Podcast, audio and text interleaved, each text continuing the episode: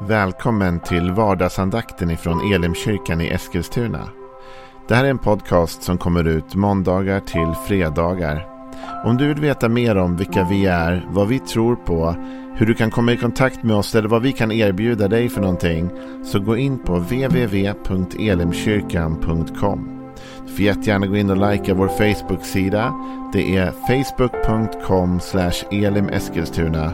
Eller så söker du upp oss på YouTube och då söker du på Elimkyrkan Eskilstuna. Vi vill jättegärna komma i kontakt med dig. Men nu lyssnar vi till dagens andakt. Välkommen till vardagsandakten. Roligt att du är med. Tar en stund av din vardag att lyssna in och dela Guds ord tillsammans med oss. Jag tror att det är en väl värd investering. Jesus talade ju om såningsmannen som gick ut och sådde fröna som växte till skörd. Och det han sådde var Guds ord.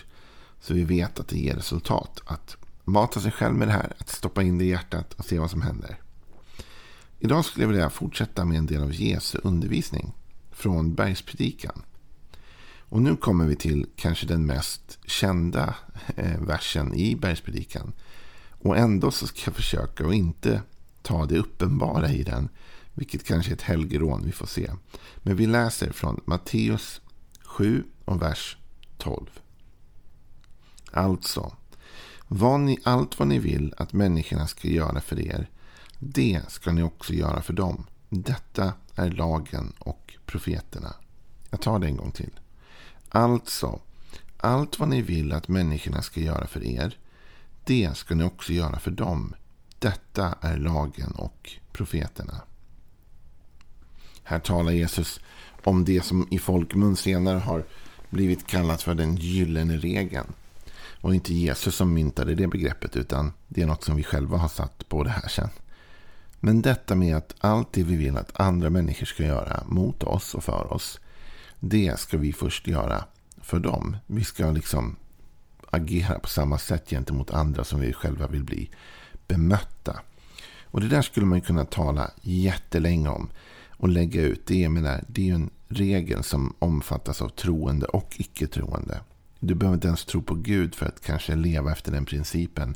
Eller tycka att det där är riktigt goda moraliska och etiska, ett moraliskt etiskt levnadsråd.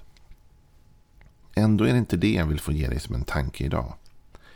Utan Jesus lägger till någonting på slutet av den här formuleringen. Han säger att allt det som ni vill att människorna ska göra för er, ska ni göra för dem. Detta, säger han, är lagen och profeterna. Alltså Bibeln som du och jag har, det är ju två böcker kan man säga. Det är Gamla Testamentet och det är Nya Testamentet som har satts ihop till en, en bok kan man säga. Och det är massa små böcker i då. Men på den här tiden när Jesus vandrade på jorden, då hade han ju inte det nya testamentet. För det är ju det vi läser som är skrivet om hans liv och breven som alla hans lärjungar skrev efteråt.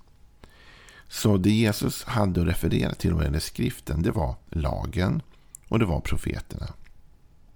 Och lagen, det var ju Moseböckerna, de fem Moseböckerna och så vidare. Och sen hade du alla profetböckerna. Och det här sammantaget blev då de heliga skrifterna kan man säga. Och vad är det jag vill komma med det? Jo, att Jesus i en mening gör en summering av budskapet i det gamla testamentet. Han säger detta är lagen och profeterna. Och det får mig att tänka lite grann på hur du och jag ska möta Bibeln. Vet du, jag tror väldigt mycket på att lyfta fram enskilda verser, absolut. Och jag kan stå på vissa bibelord som man ibland säger i vissa kretsar. Det vill säga att man man hittar ett bibelord. Min Gud ska med sin härliga rikedom i Kristus Jesus fylla alla era behov. Och så står man på det och säger till Gud i bön. Men Gud, du har lovat att fylla alla mina behov. Eller man hittar ett annat bibelord. I hans sår har ni blivit helade. Och så står man på det. Gud, du ser det här bibelordet, det här löftet. Att i dina sår har jag blivit helad. Jag tror på det och jag använder Bibeln på det sättet. Men ännu viktigare än det är att förstå helheten av Bibeln. Att inte bara förstå enskilda passager eller uttryck. Utan att förstå vad är Bibelns budskap i det stora. Och Jesus visar vilken otroligt god teolog han är genom att han kan summera och lyfta fram det som är centralt i ordet. Vet du, till och med i Saltaren så skriver David om det här på ett fantastiskt sätt faktiskt i psalm 119 och vers 160. Då står det så här. Summan av ditt ord är sanning. Dina rättfärdiga domar är eviga. Det är en oerhört intressant formulering. Summan av ditt ord är sanning. David säger inte bara ditt ord är sanning. Utan han säger summan av ditt ord är sanning. Det vill säga när man väger ihop helheten så blir det en sanning. Jag hörde en god tänkare bli intervjuad om det här med Bibeln och Bibelns trovärdighet. Och någon frågade kan man, finns det fel i Bibeln? Kan man hitta fel?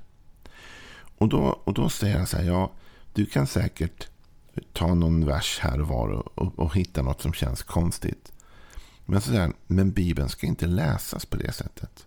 Bibeln är en helhet, en berättelse. Och Bibeln som helhet och den fulla berättelsen, så att säga, den går att lita på. Den är ofelbar. David säger summan av ditt ord är sanning. Ibland så fastnar vi så pass mycket i enskilda saker i Bibeln att vi missar det som är det viktiga, det centrala. Vi behöver se vad är själva budskapet. Alltså jag jobbade i en videobutik i många år när jag var ung och gick på gymnasiet och så vidare. Jag tyckte det var ett jätteroligt jobb. För jag gillar film och så. Och du vet, filmer de är uppdelade i olika genrer. Och en del kan vara action, det kan vara komedi, det kan vara drama, eller hur? Och faktum är att vi bedömer den här filmen utifrån vad det är. Till exempel Die Hard är en jättebra actionfilm, eller hur? Den är liksom en av historiens bättre. Eh, men det är inte en bra komedi. Och hade den varit lanserad som en komedi så hade man sagt den här filmen är inte ens rolig på det sättet förutom några enstaka situationer. Så att det är avgörande att man förstår vad huvudbudskapet är. I en komedi så är huvudbudskapet någonstans att vi ska skratta och vara glada. Och i en action så är det underhållning på ett annat sätt. Vi måste förstå Bibeln som helhet och våga läsa den. Och det är därför du och jag egentligen behöver våga ge oss till Bibeln. Att förstå den från början till slut. Att läsa hela berättelsen. Och det är sant. Ibland tänker man att du kan läsa lite i Bibeln varje dag. Och det är ju rätt. Och det är helt sant. Och det är det vi faktiskt gör på vardagsandakten. Vi tar en liten text och lägger ut den. Men ibland kan det vara utmanande för oss och nyttigt för oss att läsa längre partier. Kanske läsa ett helt brev på en gång. För att förstå helheten av det. För att förstå vad grundbudskapet är. Breven är ju ett bra exempel på det i Bibeln. Därför att de kan innehålla korta sanningar. Till exempel kan du läsa i Filipperbrevet om att Gud ska möta alla våra behov i Kristus Jesus. Men det är bara en vers i ett helt brev. Och du behöver läsa hela brevet för att förstå hela sammanhanget och ta till dig hela budskapet av det brevet. Det brevets huvudbudskap är inte att Gud fyller dina behov. Utan det brevet brukar kallas för glädjens brev. Trots att det är skrivet i ett fängelse. Och så vidare. Jag tänkte vi skulle läsa ett till sammanhang där Jesus återigen summerar. Vi läser från Matteus 22 och vers 34. Fariseerna hörde att Jesus hade gjort saduceerna svarslösa och de samlades runt honom. En av dem, en laglärd, ville pröva honom och frågade Mästare, vilket är det största budet i lagen? Han svarade, du ska älska Herren din Gud av hela ditt hjärta och av hela din själ och av hela ditt förstånd. Det är det största och första budet. Sedan kommer ett som liknar det, du ska älska din nästa som dig själv. På dessa två bud hänger hela lagen och profeterna. Jesus igen svarar på frågan vilket bud som är det viktigaste. Och han börjar tala om att kärleken till Gud är det viktigaste. Och det näst viktigaste det är det att du sen ska älska din nästa och du ska älska dig själv. Du ska älska din nästa som dig själv. Men sen säger Jesus, på dessa två bud hänger hela lagen och profeterna. Så Jesus summerar igen och säger, hörni, det här är så grundläggande att hela det gamla testamentet, hela den bibel som ni har, eller vi har just nu, då, säger Jesus, vilar på dessa två sanningar. Sanningen om att älska Gud av hela hjärtat, av hela själen, av hela förståndet. Och att älska sin nästa som sig själv. Det är liksom över det andra. Lagen och profeterna hänger i detta. Det är liksom inte tvärtom. Det är inte kärleken som hänger i lagen och profeterna. Utan lagen och profeterna hänger i kärleken. Och det hjälper oss att förstå jättemycket när vi sen bemöter människor. När vi förstår att det viktigaste är kärleken till Gud och kärleken till vår medmänniska. Det trumfar allt det andra i lagen och profeterna. Och lagen och profeterna egentligen hänger i detta, bygger på detta. Och det vi ska förstå dem med hjälp av det. Det är ungefär som när man ser en film. Om man i förväg vet vilken typ av genre det är. Är det en actionfilm? Är det en komedi? Är det ett drama? Vad är det? Och vet man det från start, då har man lättare att förstå det som händer. Annars kommer man kanske sitta och fundera på hur ska jag referera till det här som händer just nu. Ja, Jesus han går faktiskt på dem skriftlärda på den tiden då, ganska hårt ibland. Och vid ett tillfälle så går han på dem hårt därför att han tycker just detta. Att de inte har lyckats att summera och lyfta fram det som är det centrala i Bibeln. Utan de fastnar i detaljer till det viktigas så att säga bekostnad. Och i Matteus 23 och 23 står det. Ve er skriftlärda och fariseer, era hycklare. Ni ger tionde av mynta, dill och kummin men försummar det viktigaste i lagen. Rättvisa, barmhärtighet och trohet. Ni borde göra det ena utan att försumma det andra. Här finns det några otroligt viktiga aspekter att lyfta fram. Och en aspekt som man kanske inte alltid tänker på är detta. Det finns somligt som är viktigare än annat. Alltså Jesus säger att de försummar det som är det viktigaste i lagen. Det måste alltså innebära att det finns saker i lagen som inte är lika viktiga som andra. Och vad är det som är det viktigaste i lagen? Ja, det är summeringen. Det är budskapet som helhet. För Jesus börjar då tala om rättvisa, barmhärtighet och trohet. Där de fariseerna och de skriftlärda hade fastnat i små detaljer så lyfter Jesus budskapet in i summeringen. Men hörni, det är kärleken till Gud, rättvisan då på ett sätt, kärleken till Gud och älskandet av honom och det är barmhärtigheten och troheten, det vill säga kärleken till varandra och oss själva, som är det viktigaste och som vi måste fokusera på och som ni har valt att inte fokusera på. Utan ni har istället valt att prioritera det som är mindre viktigt. Så du och jag har en utmaning här när vi läser Bibeln. Det är att försöka se helhetsbudskapet och inte glömma det viktigaste i Bibeln. För när vi gör det, då fastnar vi i små detaljer och allt för ofta så kommer vi bort från kärleken och landar i en dömande och lagisk och ganska jobbig attityd. När egentligen Bibeln är vad?